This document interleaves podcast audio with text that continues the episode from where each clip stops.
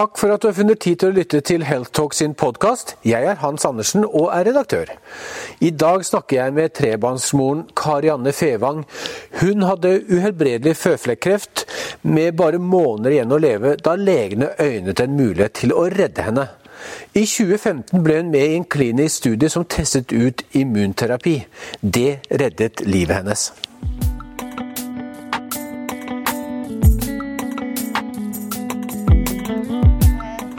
Var helt overbevist om at jeg ikke kom til å overleve lenge nok til konfirmasjonen til dattera mi halvannet år etter at jeg ble syk. Og den kom jo, og nå har jo til og med yngstedattera blitt konfirmert for et par dager siden. Så det, ja, det er fantastisk å få lov å følge ungene videre og, og kunne se at ja, men her skal, regner jeg med at jeg skal være med videre. Jeg snakker også med Anna Winge. Hun er en av Norges fremste kreftleger og er overlege på Radiumhospitalet. Hun har fagansvar for føflekkreft, eller malignt melanom som det heter på fagspråket. Hun forteller hvordan immunterapien som redder så mange føflekkreftpasienter virker, og de fantastiske resultatene som hun ser. Jeg hadde jo noen da som kom eh, rett etter at immunterapien ble godkjent. Og som egentlig hadde innfunnet seg med at, at livet kom til å vare veldig kort tid fremover. Og som kommer til kontroll meg, hos meg på poliklinikken nå og eh, sant, er tumorfrie og kan kose seg med barnebarn eller, eh, eller jobb eller barn eller for den saks skyld. Altså, jo, man får jo livet i gave, altså. Men først til trebarnsmoren Karianne. Hun reddet livet med immunterapi. Det var som om noen dro ut proppen av badekaret. Eh, 17.12.2014 kommer jeg til å huske lenge. Jeg fikk beskjed av onkologen om at det var spredning til lever, lymfeknuter, skjelett, eh, bløtvev. Husker ikke så mye av det av den samtalen, annet enn at uh, hun sa at jeg aldri ble frisk. Og så at jeg kunne få litt cellegift når det nærma seg slutten. Uh, heldigvis så var ikke det slutten. Jeg fikk bli med i et studie på Radiumhospitalet, sånn at uh, jeg lever nå, fire år seinere også. Karianne, eh, hyggelig å ha deg her. Takk. Hvordan eh, har du det i dag? Jeg eh, lever greit med sykdommen. Jeg veit jo at det er der. Jeg veit jo at jeg har kreft i kroppen, men jeg har ikke noe plager av det nå. Så det er jeg utrolig takknemlig for. Når du fikk beskjeden om at du hadde uhelbredelig kreft, hva tenkte du da når du fikk høre det? Altså, det her var jo et par dager før jul, og jeg Altså, det Det Det var utrolig vanskelig å tenke på noe som helst annet enn at jeg ikke fikk lov å komme til å oppleve at ungene mine ble voksne og liksom Ja. Det, jeg tenkte at det her Nå kommer det til å være slutt. Jeg kommer til å dø i løpet av det året som kommer. Mm. Det, det var jeg ganske så overbevist om. Jeg hadde noen eh, venner som diskuterte pensjon, og jeg husker at jeg tenkte at eh, ja, jeg gidder ikke høre etter i det hele tatt. Det her angår jo ikke meg i det hele tatt. Men, men så skjedde noe helt ekstraordinært. Du, du kom på en, en, en forsøksstudie på, på Radiumhospitalet som skulle teste ut ny eh, medisin, en immunterapi. Hvordan klarte du å komme på den? Var det noe du selv fant, eller fikk du hjelp av en lege? Ja, altså, Onkologen min eh, sa jo til meg at hun hadde ingen medisin til meg. Eh, annet enn at jeg kunne få litt cellegift eh, på slutten. Det vet man nå at det virker i bare 5, 5 eller sånt noe. Men eh, så sa hun det at hun kunne søke på Radiumhospitalet om det var et studie som passa for meg. Eh, og da, etter en lang, lang ventetid, syns jeg eh, så fikk jeg komme inn på Radiumhospitalet, og det viste seg at jeg kvalifiserte for et helt nytt studie, som jeg da var den første pasienten på, med en immunterapi og en vaksine. Eh, og den fikk jeg lov å få begynne på da i, i februar 2015. Så det var jo helt fantastisk å få, få mulighet til å leve. Når merket du de positive resultatene av eh, immunterapien? Det gikk vel kanskje et par måneder, for jeg, normalt så Altså, jeg hadde jo ingen plager sånn sett. Eh, men jeg så hadde jo en, en synlig svulst her eh, som, man, som, hadde vokst seg til en sånn eh, altså en litt ordentlig kul som man så, en sånn blå kul. Eh, og den så jeg jo gikk nedover. Så da, da begynte jeg å sånn tenke at det, kanskje det kan ha noe effekt. Kanskje. kanskje. Men eh, ja. Men når var det du da fikk det endelige budskapet om at eh, nå har eh, vi klart å begrense kreften og fått den under kontroll? Hvor lang tid tok det da? Det var jo på våren, eh, hvor jeg var eh, alvorlig syk med bivirkninger, og de tok en ekstra CT, og, jeg, eh, og de så at de hadde begynt å bli mindre, de svulstene. Så minska de da på et par seter framover, og så har de blitt holdt seg der. Så vært stabile. Så jeg veit jo at kreften er der. Jeg veit jo at eh, det kan begynne å vokse igjen. Men jeg er jo roligere nå. Det er ikke noe akutt fare. Og hvis det verste skulle skje, at uh, kreften begynner å, vokse igjen, uh, finnes det da annen behandling som du kan prøve ut av? Ja, heldigvis så har det jo kommet flere immunterapipreparater. Altså de nyeste som kalles PD1-hemmere. Den har ikke jeg fått, så den er fremdeles igjen hvis, når det skulle bli aktuelt. Og det, det er godt å vite at det det er flere muligheter. Men, nå eh, tenker du fremover. Eh, og ja. begynner å tenke på pensjon også, kanskje? ja. ja eh, jeg tør i hvert fall å planlegge litt lengre. Det er ikke sånn at jeg bare har ukesperspektiv som jeg hadde den gangen.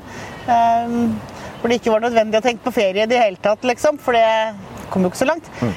Men nå, nå, tør jeg å tenke på at det skal skje noe til neste år. Og ja, jeg, jeg var helt overbevist om at jeg ikke kom til å overleve lenge nok til konfirmasjonen til dattera mi halvannet år etter at jeg ble syk. Og den kom jo, og nå har jo til og med yngstedattera blitt konfirmert for et par dager siden. Så det, ja, det er fantastisk å få lov å følge med ungene videre og, og kunne se at ja, men her skal, regner jeg med at jeg skal være med videre. Og nå du, eh, bruker du kreftene dine på å jobbe for andre pasienter. Eh, du er leder i Melanomforeningen. Ja. Eh, hva gir dette arbeidet, deg, og hvordan er det å jobbe for andre pasienter? Jeg syns det er viktig at folk har kunnskap om sykdommen sin. Og det, å, den, det som heter eh, 'ingenting om meg uten meg', det er viktig for meg. Det at folk tar del i egen sykdom, ta ansvar for hva som skal skje, er medvirkende eh, til hva, hvilken behandling man skal ha. Om man skal ha behandling, hva man skal ha behandling. Det er viktig.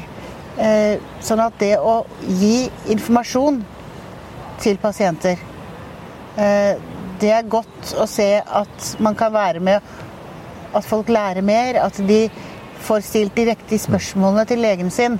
At de kan komme på den behandlingen som er mest nyttig for dem. Vi eh, rådgir jo ikke noe på hva de skal ha behandling, men de må vite hvilke muligheter de har. Det er viktig. Og så er det også det her med jobbe forebyggende. Og det at folk vet hva de skal være oppmerksom på. For det her er jo en sykdom som i 90% av tilfellene skyldes eh, solskader. Altså etter sol og solarium. UV-lys. Så Derfor så er det så viktig at, eh, at vi, folk veit hva de skal se etter, og at de går til lege tidlig. Mm. Så at den her informasjonsbiten for at andre ikke skal få denne sykdommen, det er utrolig viktig. Ja, og nå skjer det jo nærmest en revolusjon i, i utvikling av uh, nye legemidler. og det, Du sier at det er viktig at uh, alle som, eh, som har eh, føflekkreft, eh, har en, en, en, grunnkunnskap om dette? Ja, det tror jeg. Jeg tror at Eller jeg har sett studier på at de som er godt informert, de går det faktisk bedre med. Men samtidig så ser vi også at eh, det er mange pasienter som ikke får den beste behandlingen. Hva, hva tenker du om det? Det er jo utrolig skuffende. Og spesielt siden vi veit nå at eh, det er mye bedre å gi immunterapi eller, og eh, målretta signalhemmere eh, tidlig. Eh, så blir resultatet bedre. Eh, det å vente til man er så alvorlig syk som eh, man må være nå for å få medisinen, det, det, da er det for mange som dør. Men så vet vi jo at eh, det er slik at eh, det er jo ikke alle kreftpasienter eller pasienter som, som har din diagnose, som får den beste behandlingen. Hva, hva tenker du om det?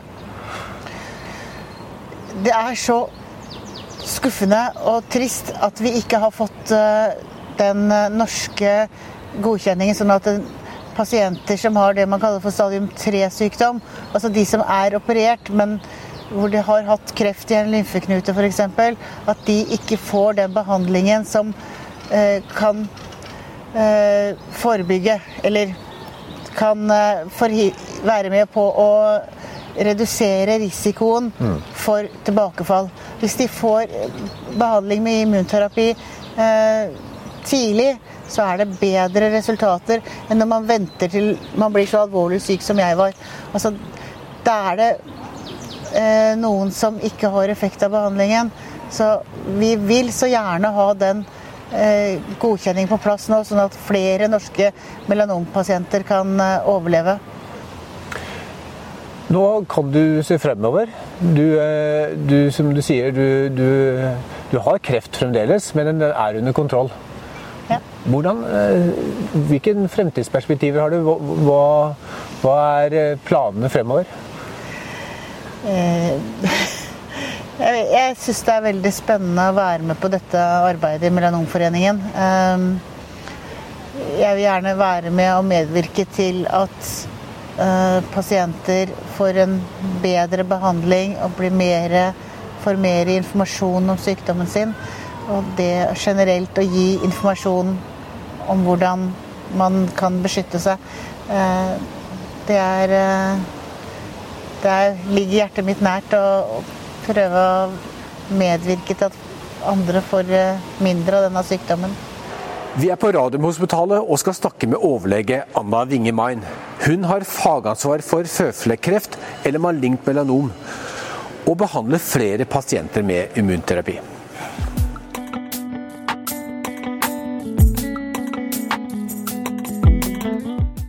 Anna Winge Main, det er jo kommet et nytt behandlingsprinsipp for uh, pasienter med føflekkreft, immunterapi. Kan du forklare hvordan er det immunterapien virker for pasientene dine? Immunterapien eh, den virker ved at den benytter kroppens eget immunforsvar i angrepet mot kreftcellene. Eh, og det er jo en veldig potent kreftdreper. Det visste vi jo ikke så mye om på en måte før. Men det viser seg at kroppen er i god stand til å drepe kreftceller hvis den bare får sjanse til å gjøre det. Så immunterapien den opphever alle disse disse bremsene som, som en kreftcelle f.eks. har på immuncellene. Mm. Så får vi en sånn, eh, et, et, stoff som da binder seg til denne bindingen mellom de, som gjør at den er helt skrudd av. Og så klarer da disse immuncellene til å gå til angrep på kreftcellene.